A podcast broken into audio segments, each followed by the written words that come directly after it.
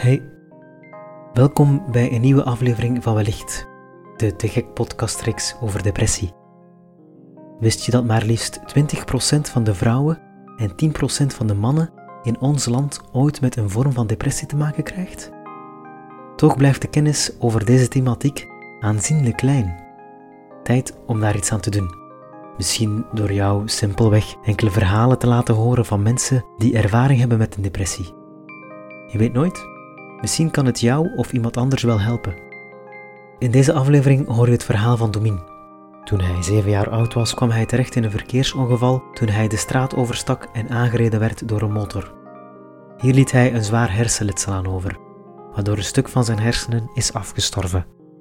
Andere hersendelen namen de functies van de beschadigde delen over, maar sinds het ongeval voelt hij zich niet meer dezelfde. Hij verloor de voeling met zijn klasgenoten, leerkrachten, ouders en familie. En ik vergelijk het altijd een beetje met het, het sprookjesverhaal, denk ik, van het lelijk eendje. Dus het eendje dat in eh, een nest van zwanen geboren wordt en die zich daar totaal niet thuis voelt. En dan maak ik een beetje de vergelijking naar mezelf. Ik was opeens een eendje geworden in, in de wereld van zwanen. En ik voelde me heel, heel, heel verloren. En dat gevoel van jezelf verloren voelen sloeg over naar somberheid, naar depressie. En dan in de puberteit rond mijn 14 begonnen de zelfmoordgedachten. Dus op school was ik altijd de vrolijke jongen met de goede punten. Bij mijn ouders deed ik me ook zo goed mogelijk voor. Door te tonen van, hé, hey, ik heb een ongeval meegemaakt, maar alles is eigenlijk perfect in orde. Terwijl dat dat niet zo was. En daarin heb ik ja, mezelf eigenlijk doen in de val lopen. Omdat ik probeerde me er, mezelf ervan te overtuigen dat er niks aan de hand was. En daardoor keerde ik me af van, van mijn problemen. Terwijl die enkel maar groeiden en groeiden. En toen ik ja, twintig was, zijn al die problemen die zich jarenlang opgestapeld hebben, als een lawine naar beneden gekomen. En dan, ja, dan ben ik ook in psychiatrie terechtgekomen. Ik heb van mijn 20ste tot en met mijn 22ste drie jaar ja, eigenlijk aaneensluitende opnames gehad in psychiatrie. Tijdens mijn laatste opname heb ik een poosje in een studio in Gent gewoond. En op een gegeven moment, ik was aan het verhuizen van, van de plaats waar ik woon naar Gent. En mijn moeder nam mij apart, was, was mij aan het helpen tijdens het verhuizen. En ze zei van, kijk Domin, we hebben nu drie jaar psychiatrie gehad. En voor jouw papa en mij is het duidelijk geworden dat jij echt met een ja, ondraaglijk psychisch lijden zit. En we weten dat je al zelfmoordpogingen hebt ondernomen. En dat de kans er is dat je dat nog gaat doen. En ik en u vader hebben daarover gesproken. En we zullen u, u niet meer kwalijk nemen als je er op een dag niet meer bent als je zelfmoord gepleegd hebt. En dat gaf mij op een manier ook een ongelooflijk rustgevend gevoel. Omdat soms denk je dat het allemaal in je hoofd is. En als er iemand bevestigt van we snappen dat je afziet, dan voelt dat, ik weet niet, begrip. En respect ook voor mijn ouders dat ze dat durven te zeggen. Want mensen kunnen dat opvangen als een manier van ik geef het op. Ik geef, ik geef mijn kind op. Maar voor mij was dat van we erkennen uw pijn. En dat was een belangrijke boodschap voor mij.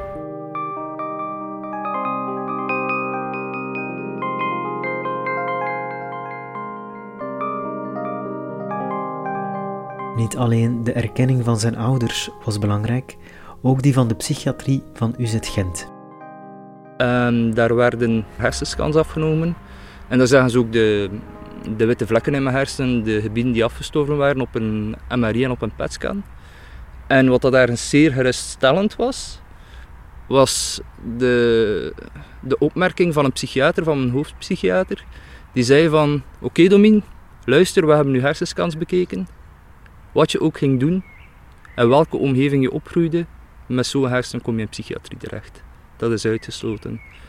En waarom was dat voor mij een opluchting? Gewoon omdat ik had ook niet het gevoel dan dat ik gefaald had. Ik had het gevoel dat ik ja, het pad gevolgd was die ik op mijn zevende ingeslaan was. En, en kan je dat ergens accepteren of hoe doe je dat dan?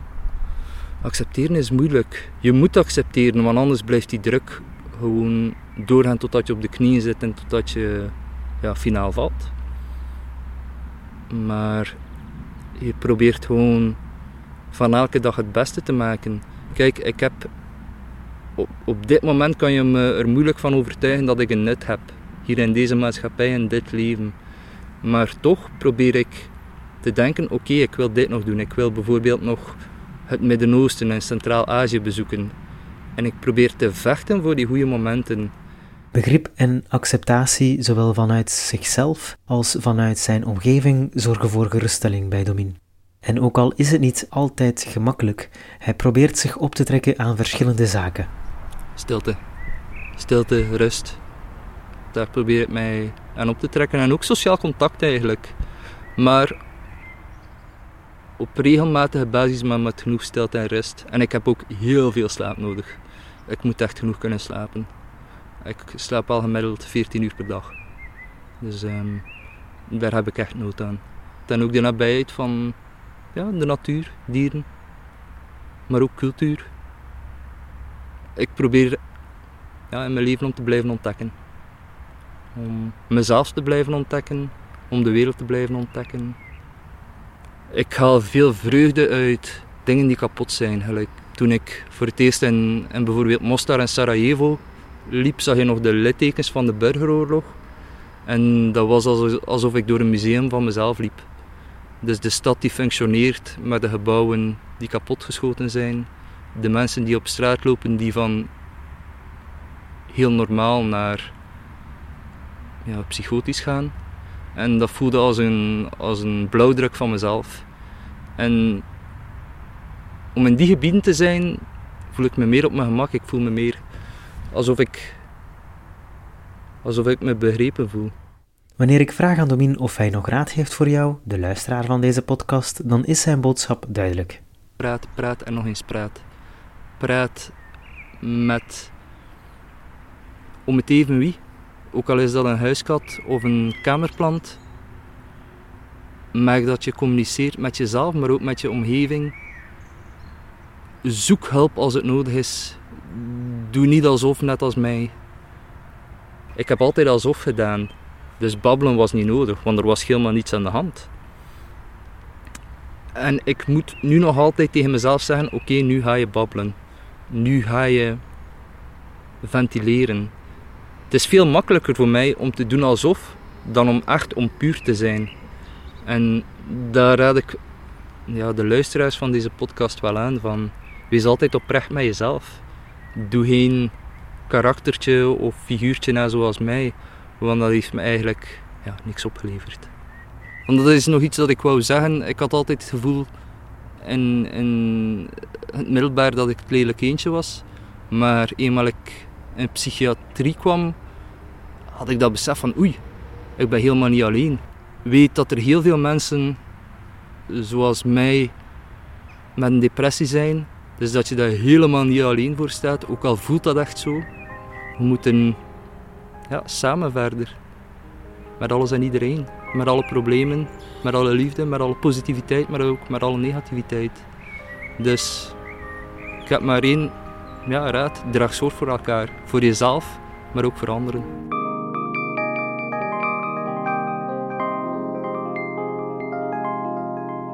Je luisterde naar het verhaal van Domin. Zit je nog met vragen over depressie? Check dan zeker de te gek campagne site wellicht.be. Heb je na het luisteren van dit verhaal nood aan een gesprek? Je kan terecht bij Teleonthaal op het nummer 106 en bij de zelfmoordlijn op 1813. Mijn naam is Matthias Cornelli en ik maakte deze podcast samen met Esther Kolen in opdracht van Te Gek. Bedankt Domin, bedankt ook Axel voor de muziek en bedankt aan alle mensen die mij gesteund hebben bij het maken van deze podcastreeks. Graag tot de volgende keer.